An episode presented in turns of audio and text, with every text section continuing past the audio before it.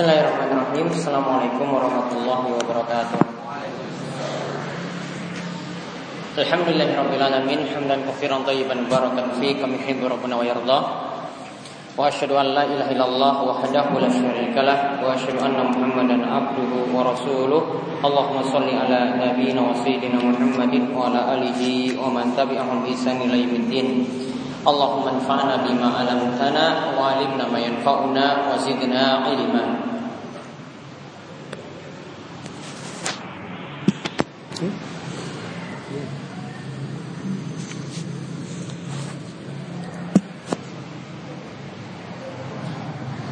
Alhamdulillah fiddin wa hadifillah rahimani wa rahimahullah Pada kesempatan malam hari ini kita masih diberikan nikmat oleh Allah Subhanahu wa taala untuk kita duduk di majelis yang mulia ini. Mudah-mudahan Allah Subhanahu wa taala senantiasa memberkahi umur kita dalam kebaikan dan kita pun dianugerahkan ilmu yang bermanfaat serta diberi taufik juga untuk mengamalkan ilmu tersebut dalam amalan-amalan kebaikan. Dan pada kesempatan malam hari ini seperti biasa kita kembali membahas kajian rutin kita dari kitab Riyadhus Shalihin karya ulama besar kita yaitu Imam Nawawi rahimahullah. Kita masih membahas masalah adab sehari-hari melanjutkan pembahasan adab dalam hal salam yaitu adab dalam perihal mengucapkan salam. Pada kesempatan sebelumnya yaitu pada dua pertemuan kita telah membahas ayat-ayat yang membicarakan tentang salam. Kemudian yang terakhir kita bahas dua hadis yang membicarakan tentang masalah salam tersebut. Terakhir itu adalah hadis dari Abu Hurairah radhiyallahu anhu yang di mana disebutkan bahwasanya salam itu merupakan uh, ucapan assalamualaikum itu merupakan salam penghormatan untuk Nabi Adam dan juga untuk keturunannya. Ya, salam itu merupakan ya penghormatan untuk Nabi Adam dan juga keturunannya. Dan sekarang kita lihat hadis yang nomor tiga dan seterusnya dari bab ini, dari pembahasan ini, yaitu yang kita bahas kali ini adalah hadis dari Abu Ammarah Al-Barra bin Azib radhiyallahu anhuma.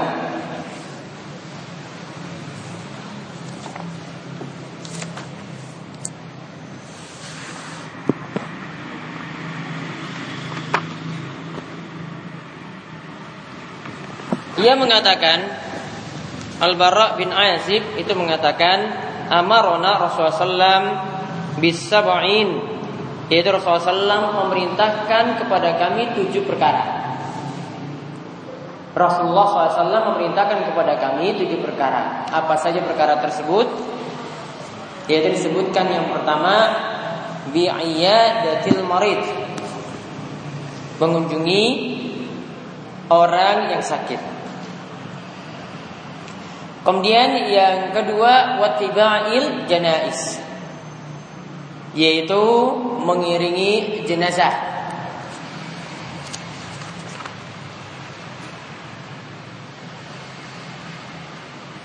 Kemudian yang ketiga watashmitil atis yaitu menjawab ucapan alhamdulillah dari orang yang bersin yaitu mengucapkan yarhamukallah.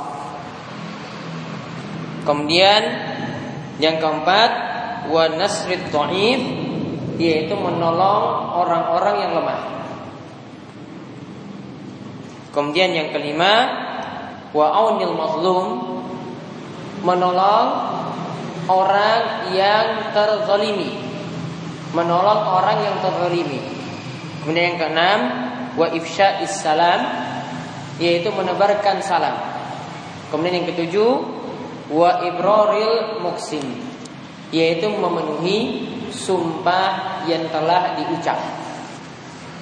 Mutafakun alaih hadis ini diriwayatkan oleh Imam Bukhari dan Muslim Hadza lafdu ihda riwayatil riwayatil Bukhari.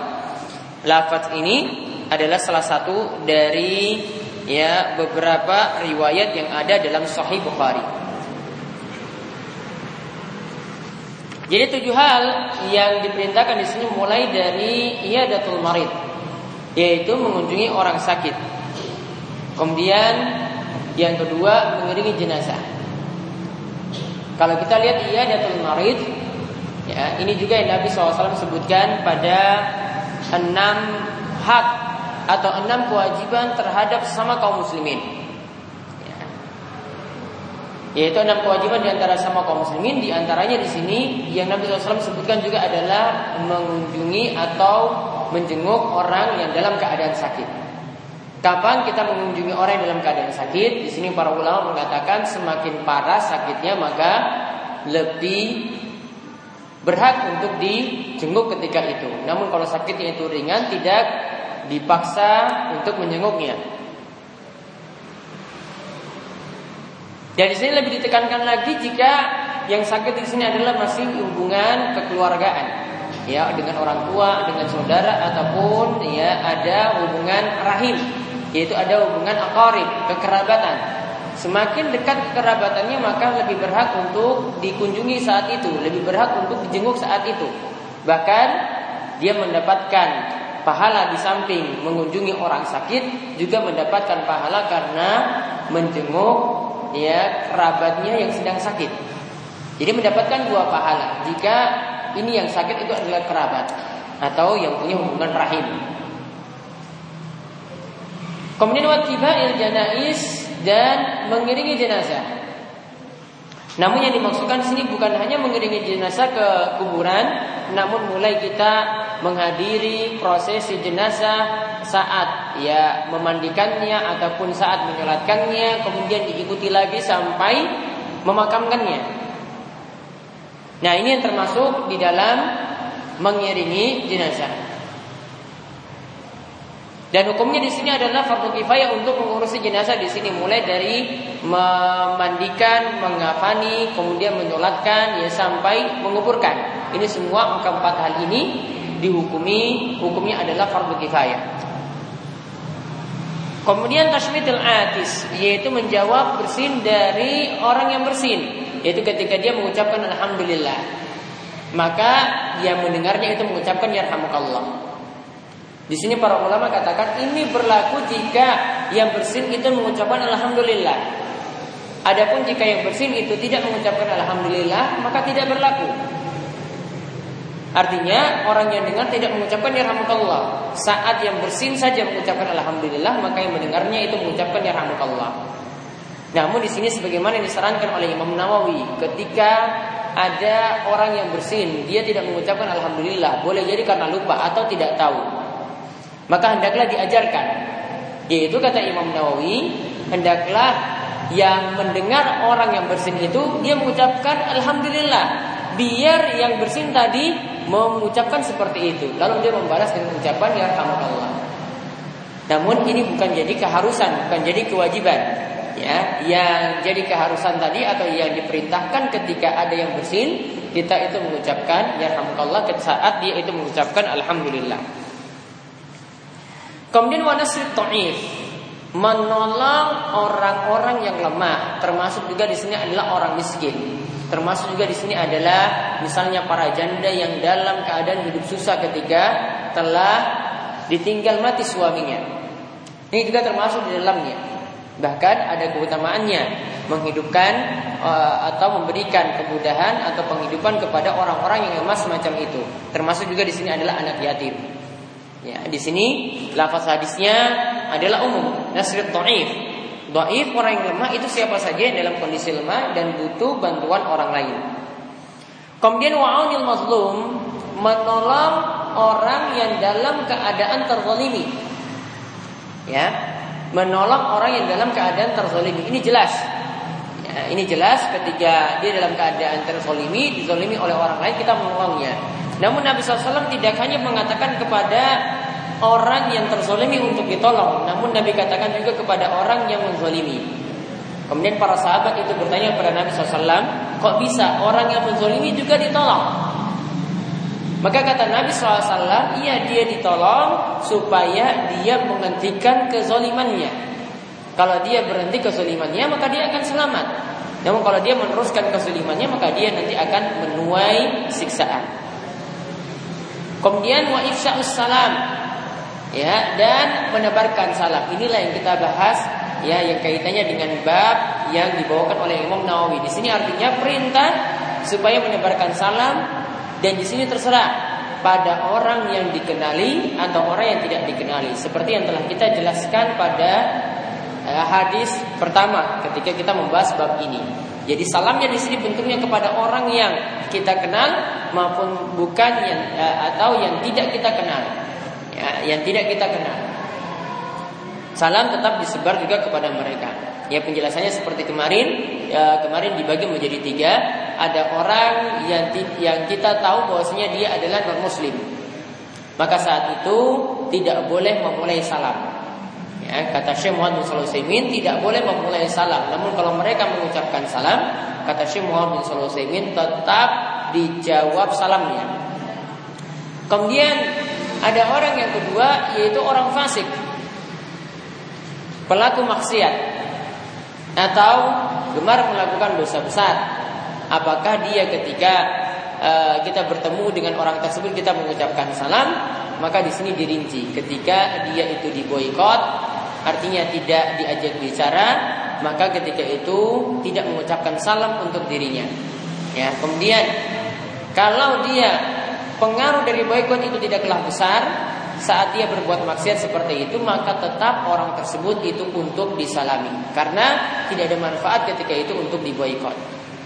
Kemudian yang ketiga itu yang kita bahas kemarin adalah untuk orang yang tidak kita kenal. Ya ini yang kita bahas di sini yaitu tetap disalami. Karena itulah hukum asalnya setiap orang. Yang kita yakin dia adalah muslim ya. Kita tidak tahu dia itu pelaku dosa besar atau pelaku maksud atau tidak tetap kita mengucapkan salam pada orang tersebut.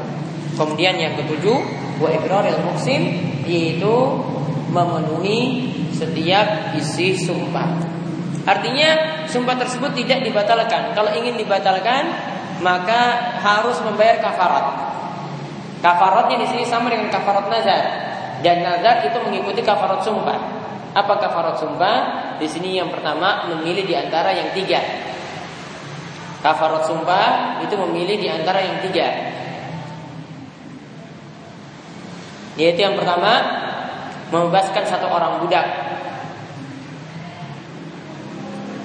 Kemudian yang kedua memberi makan kepada sepuluh orang miskin. Kemudian yang ketiga, memberi pakaian kepada 10 orang miskin. Nah, langkah pertama pilih di antara tiga hal tadi. Kalau tidak ada budak, berarti memberi makan kepada 10 orang miskin. Kalau tidak mampu memberi makan kepada 10 orang miskin, punyanya pakaian, ya beri pakaian kepada 10 orang miskin. Jika tiga hal ini tidak mampu, maka penuhi langkah yang kedua, yaitu berpuasa selama tiga hari. Dan di sini menurut pendapat yang rajih, pendapat yang kuat, tidak dipersyaratkan berturut-turut.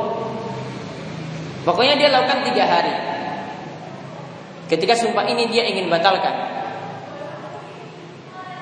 Misalnya dia bersumpah, saya tidak akan masuk ke rumahmu lagi selamanya. Ternyata sumpah tersebut tidak bisa dia penuhi. Maka dia lakukan dua cara tadi. Yang langkah pertama itu dipilih di antara tiga hal tadi. Kalau tidak mampu tiga hal ini, baru beralih kepada langkah yang kedua, yaitu berpuasa selama tiga hari tidak dipersyaratkan berturut-turut. Dari dari hal ini ada dalam surat Al-Maidah.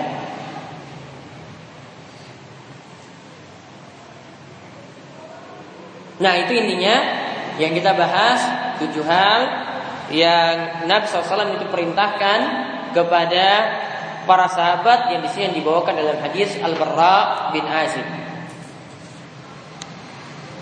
Kemudian hadis yang berikutnya hadis dari Abu Hurairah radhiyallahu anhu.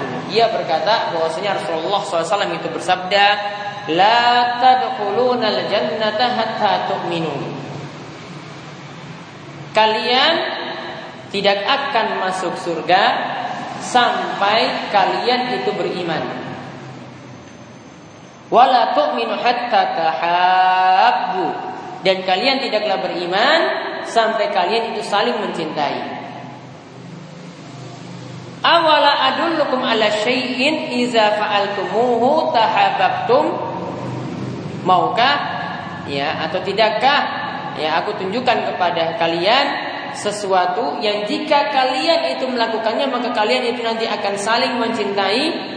Kemudian Nabi SAW itu mengatakan afshus salam bainakum. Yaitu tebarkanlah salam di antara kalian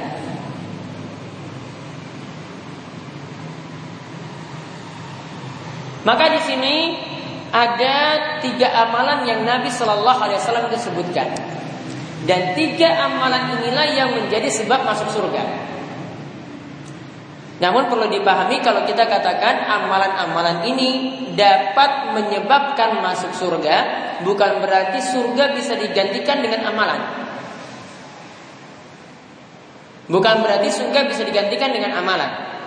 Namun yang dimaksudkan di sini adalah ya karena sebab amalan inilah Allah memberikan rahmat sehingga seorang itu bisa masuk surga. Namun surga sendiri harganya itu tidak dibanding, tidak bisa dibandingkan dengan amalan kita. Maka ketika ya suatu saat Nabi SAW itu mengatakan bahwasanya seseorang itu tidaklah bisa masuk surga dengan amalannya. Kemudian para sahabat bertanya kepada Nabi Wasallam apakah engkau juga wahai Rasulullah Iya, aku juga demikian. Illa kecuali karena karunia dan kasih sayang Allah Subhanahu wa taala sehingga itu yang bisa membuat aku masuk surga. Jadi amalan ya misalnya kalau kita membeli sesuatu air minum itu harganya seribu rupiah, aqua itu misalnya harganya seribu rupiah itu memang wajar bisa digantikan seribu dengan air minum tadi. Namun surga tidak bisa demikian. Oleh karena itu faktor yang terbesar itu adalah dari rahmat Allah Subhanahu wa taala. Dan ini sudah pernah saya jelaskan ketika menjelaskan 10 pelebur dosa. Nah, di sini tiga amalan itu apa? Yang pertama iman. Dan inilah aslunya yaitu pokoknya yang bisa membuat orang masuk surga adalah iman. Tanpa iman sangat mustahil orang itu bisa masuk surga.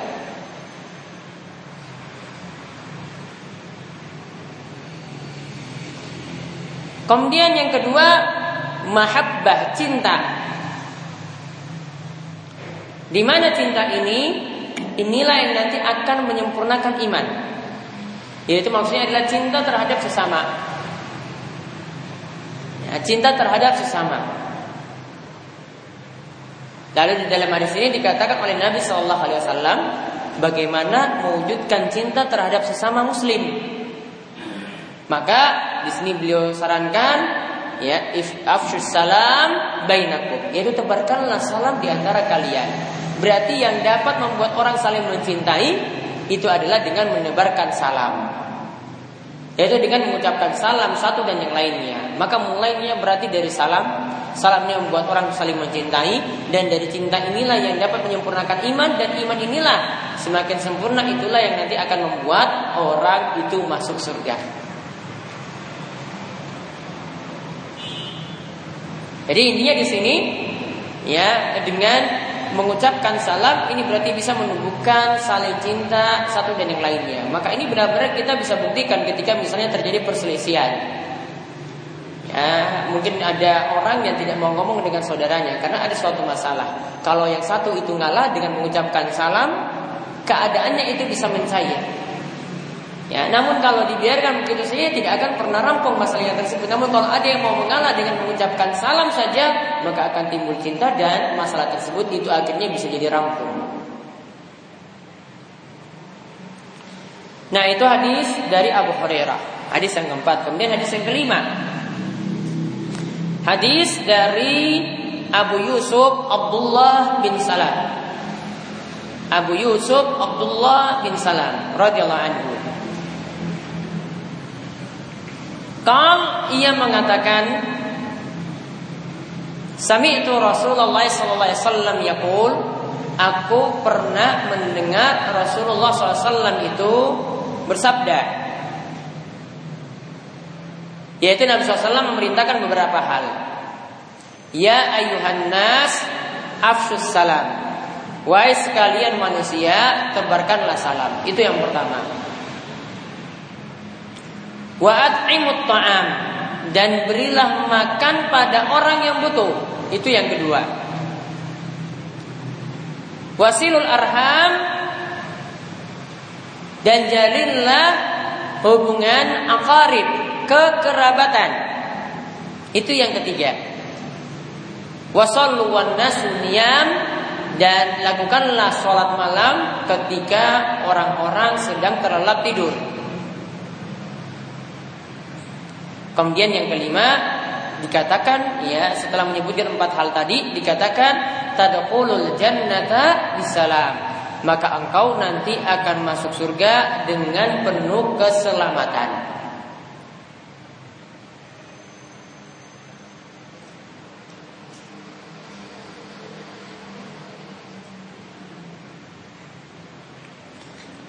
Maka di sini berarti Rasul Sallallahu Alaihi Wasallam memerintahkan empat hal. Yang pertama, afsus salam. Tebarkanlah salam. Inilah yang jadi pembahasan kita. Ya, dan di ujung-ujungnya dikatakan karena menyebarkan salam inilah yang akan menyebabkan masuk surga. Kemudian yang kedua, memberi makan. At'imut ta'am, berilah makan kepada orang yang butuh. Ya, berilah makan kepada orang yang butuh. Namun di sini tentu saja yang jadi prioritas utama dalam hal memberi makan ini sama saja dengan dalam hal memberi nafkah, yaitu didahulukan kepada istri dan anak terlebih dahulu. Jadi hadis ini lebih pas kita tujukan kepada istri dan anak, yaitu hendaklah para suami yang kepala keluarga itu memberikan makan kepada orang yang wajib dia nafkahi. Karena sebagaimana saya sebutkan ada perkataan dari Ibnu Battal yang mengurutkan ya penyalur penyaluran harta itu ada tiga tingkatan. Ya, urutannya itu yang pertama mulai dari ya, memberikan nafkah kepada istri dan anak. Itu hukumnya wajib. Kemudian yang kedua memberikan zakat, mengeluarkan zakat. Kemudian yang ketiga sodako yang sunnah. Ini kata Ibnu Battal urutannya seperti itu. Jangan orang itu mendahulukan sodako yang sunnah, sedangkan nafkah untuk keluarga itu dilalaikan, tidak boleh. Maka kalau dikatakan tadi berilah makan kepada orang yang butuh, maksudnya berilah makan kepada istri dan anak terlebih dahulu. Itu yang mesti didahulukan. Baru tunaikan zakat karena zakat itu dikeluarkan setelah kebutuhan pokok itu dipenuhi, yaitu kebutuhan keluarga itu dipenuhi. Baru setelah itu keluarkanlah sodako yang sunnah. Kemudian yang ketiga wasilul arham. Jalinlah hubungan arham. Yaitu yang dimaksudkan sini adalah rahim. Yaitu maksudnya adalah akarib, kekerabatan. Dan di sini jangan diterjemahkan dengan istilah orang Indonesia. Ya, yang namanya silaturahim itu jangan diistilahkan, diartikan dengan istilah orang Indonesia karena kalau silaturahim sesama teman kos saja sudah dikatakan silaturahim. Namun yang dimaksudkan dengan istilah rahim di sini adalah akarib, yaitu yang punya hubungan kekerabatan.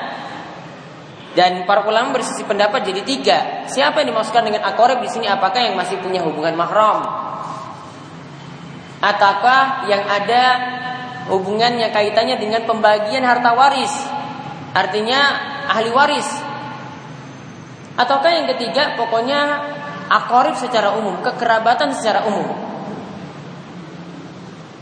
Walau pendapat yang lebih tepat di sini adalah yang dimaksudkan dengan menjalin silaturahim di sini adalah kepada orang-orang yang masih punya hubungan mahram. Kepada orang-orang yang masih punya hubungan mahram. Karena inilah yang nantinya bisa terjadi hubungan silaturahim ketika berjumpa seperti itu. Kalau di sini tidak ada hubungan mahram, misalnya dengan sepupu, ya, misalnya anak dari paman, anak dari bibi misalnya, ya. ini tidak ada hubungan mahram, walaupun mereka nanti bisa mendapatkan waris dari kita, namun mereka tidak ada hubungan mahram.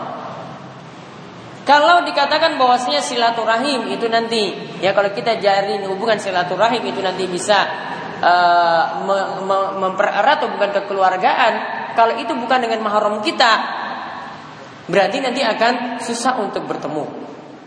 Susah untuk salaman.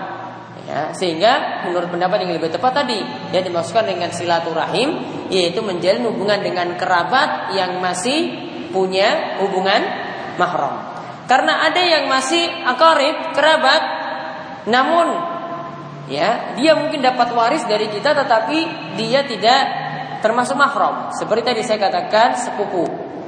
Ya, anak dari paman kita, anak dari bibi kita atau paman dari jalur ayah ataupun jalur ibu tidak mendapatkan, ada yang tidak mendapatkan waris di situ.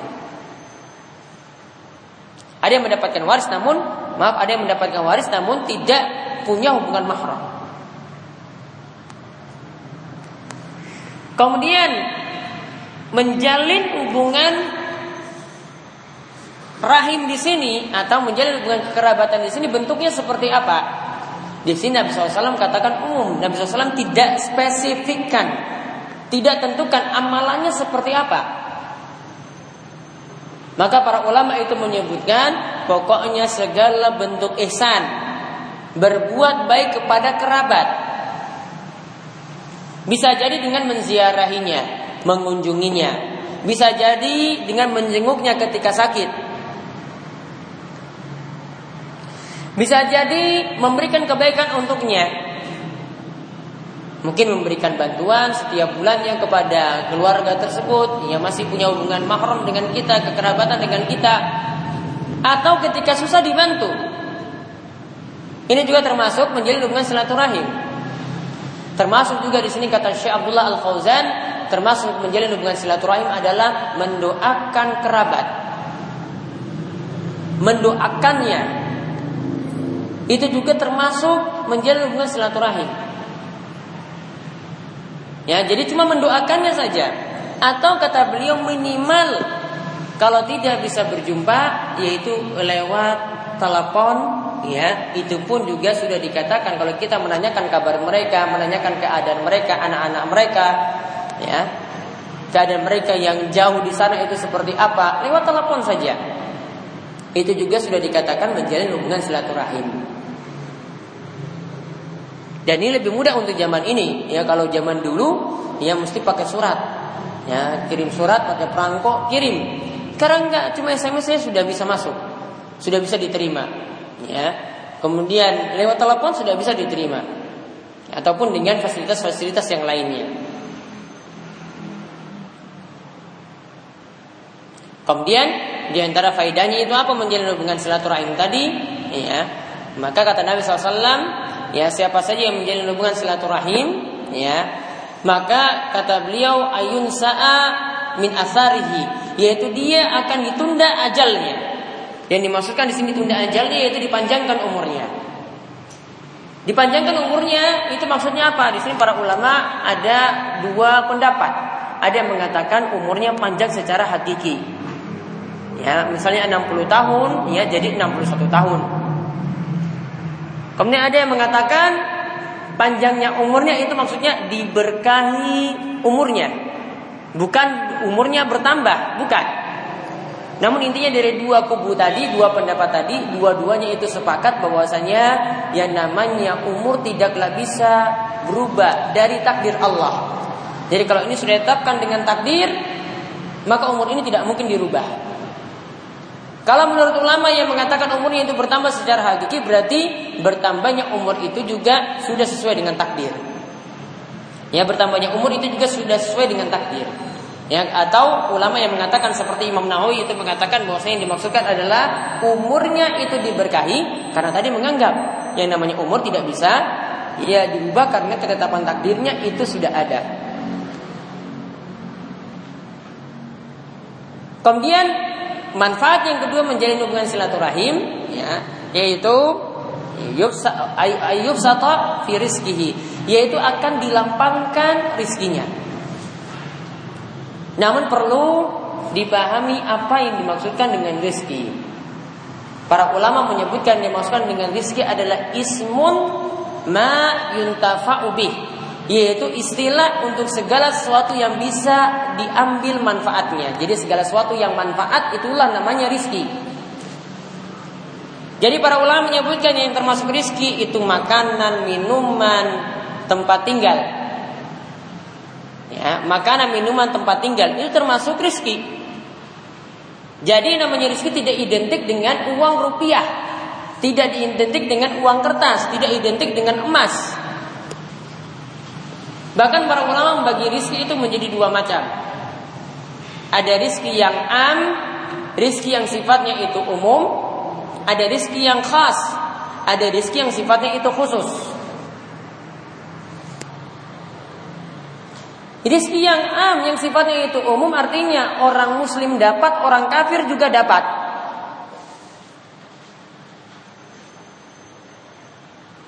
Kemudian rizki yang kedua, rizki yang khas, yaitu rizki yang cuma diberikan kepada orang beriman saja. Kalau yang diberikan untuk orang orang secara umum yaitu untuk orang muslim dan orang mukmin dan orang kafir itu berarti nikmat makan, nikmat minum, nikmat kendaraan, nikmat rumah, nikmat harta.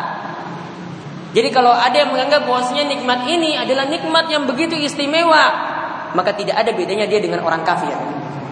Tidak ada bedanya dia dengan Dosbus, tidak ada bedanya dia dengan Abu Jahal, tidak ada bedanya dia dengan Korun, tidak ada bedanya dia dengan Fir'aun. Yang membedakannya apa? Rizki yang khas, yaitu di situ ada iman, ada karunia ilmu, ada harta yang halal, rizki yang halal yang dia peroleh. Itulah baru yang dinamakan dengan rizki yang khusus yang patut kita syukuri dengan begitu syukurnya. Daripada rizki yang sifatnya umum tadi. Karena rizki yang sifatnya umum tadi tidak bisa membedakan antara muslim dan kafir.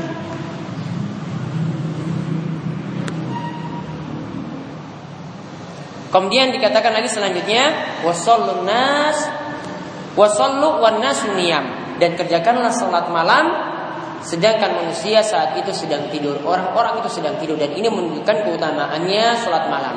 Maka dijanjikan apa? Tadkhulul jannata bisalam. Kalian akan masuk surga dengan penuh keselamatan. Hadis ini diriwayatkan oleh Imam Tirmizi Dan hadisnya itu Hasan Sahih.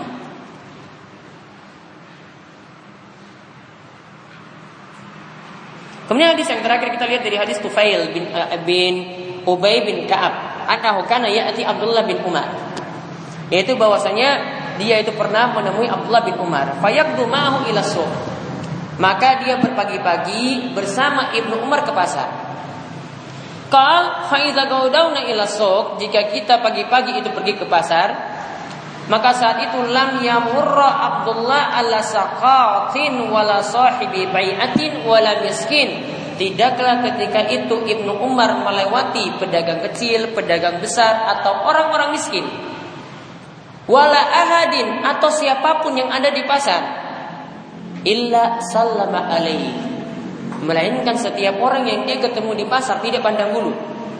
Orang kaya, orang miskin, orang yang dia kenal atau orang yang tidak dia kenal, dia salami semuanya. Masuk pasar cuma ingin salami orang. Masuk pasar cuma ingin ucapkan salam Ibnu Umar. Ya, kalau kita mending nongkrong di rumah daripada pergi ke pasar nggak ada kerjaan seperti Ibnu Umar mungkin kalau ada yang bilang seperti itu.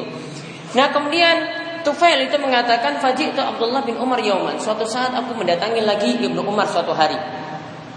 Fasta ba'ani ila Ya, fastat ba'ani ila Maka dia mengajakku lagi pergi ke pasar. Fakultulahu aku kemudian Tufail ini mengatakan kepada Ibnu Umar, aku bertanya pada Ibnu Umar, "Wa ma tasna'u bisuq?" Apa yang ingin kamu lakukan di pasar? Kemudian wa anta la taqifu 'alal bai' wa la tas'alu anisila anisila wa la tasumu biha. Ya, engkau di pasar itu tidak mau jual apa-apa, tidak ada barang yang kau jual. Begitu juga engkau di pasar tidak ingin menawar atau tidak ingin bertanya barang yang mana-mana di situ, tidak. Begitu juga engkau tidak punya keinginan untuk menawar barang apa pun yang ada di pasar. Kemudian ya wala tajlisu fi majalis dan engkau juga tidak duduk-duduk di situ. Terus apa yang kau lakukan? Maka ketika itu Ibnu Umar itu mengatakan idris bina ya aku mengatakan ini Tufail mengatakan ijlis bina hakuna natahaddas. Wahai Ibnu Umar, sini kita duduk, kita ngobrol bareng-bareng. Kemudian ya, ketika itu Ibnu Umar mengatakan, "Ya Aba Batan." Wahai Tufail, di sini Tufail dipanggil dengan wahai Aba Batan. Batan itu artinya orang yang perutnya buncit. Ya, wahai Abu Batan. Ya, dia istilahkan seperti itu. Wahai Abu Batan, wahai orang yang perutnya itu buncit. Dia pakai kunyah disandarkan pada keadaan fisik si Tufail. Kemudian inna nahdu min azli salam fanusallim ala man lakinahu. Kita kalau pergi ke pasar cuma tujuannya adalah untuk memberikan salam. Yaitu setiap orang yang kita jumpai maka kita mengucapkan salam ketika itu. Nah di sini diriwayatkan oleh Imam Malik dalam kitab Al-Muwatta dengan sanad yang sahih. Maka hadis ini itu menunjukkan bahwasanya sangat-sangat semangat sekali para sahabat dalam menyebarkan salam. Ibnu Umar ketika dalam keadaan santai seperti itu, ya, pergi ke pasar bukan tujuannya untuk membeli sesuatu, bukan tujuannya untuk menawar sesuatu, bukan tujuannya untuk jual barang. Namun cuma datang masuk ke pasar cuma apa?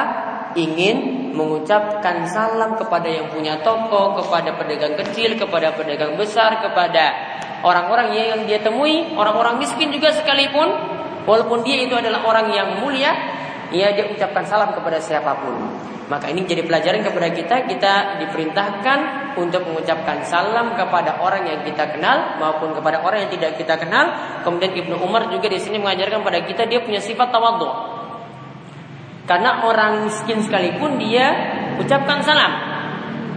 Orang yang tidak dia kenal pun juga dia sampaikan salam. Ya, ini menunjukkan bagaimana tawaduknya sahabat yang mulia Ibnu Umar radhiyallahu anhu.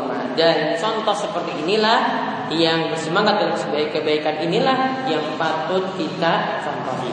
Nah itu saja yang kita sampaikan pada kesempatan kali ini yaitu bab fadlus salam wal amru bi yaitu perintah untuk mengucapkan salam dan keutamaan ya ketika seorang itu mengucapkan salam. Dan insya Allah pada kesempatan berikutnya kita akan bahas bagaimanakah cara mengucapkan salam. Ada pertanyaan satu? Ya monggo. kalau kita bersihin pas sholat? Bersin pas sholat tetap ucapkan Alhamdulillah Namun cukup yang bersin saja yang mengucapkan Tidak dibalas Ketika itu ada di tengah-tengah soft para sahabat itu ada yang mengucapkan bersin, dia ucapkan alhamdulillah. Muawiyah kemudian mengucapkan yarhamukallah. Kemudian para sahabat yang lainnya melotot semuanya kepada Muawiyah. Atau ada yang menggerak-gerakkan badannya mau mengikut si Muawiyah. Maksudnya Muawiyah itu salah ketika itu. Kemudian setelah selesai sholat Rasulullah SAW itu ngobrol sama Muawiyah. Dia katakan pada Muawiyah di dalam sholat itu bukan saatnya ngobrol-ngobrol perkataan manusia kalamun nas bukan. Ya, namun Rasulullah SAW tidak menyalahkan bacaan alhamdulillah yang diucapkan oleh orang yang bersin karena itu bagian dari zikir dan sholat diperintahkan untuk berzikir. Ya, namun membalasnya ini juga ini yang tidak dibolehkan. Termasuk juga membalas ucapan salam ketika ada mengucapkan salam kepada kita ketika kita sholat juga tidak perlu dibahas.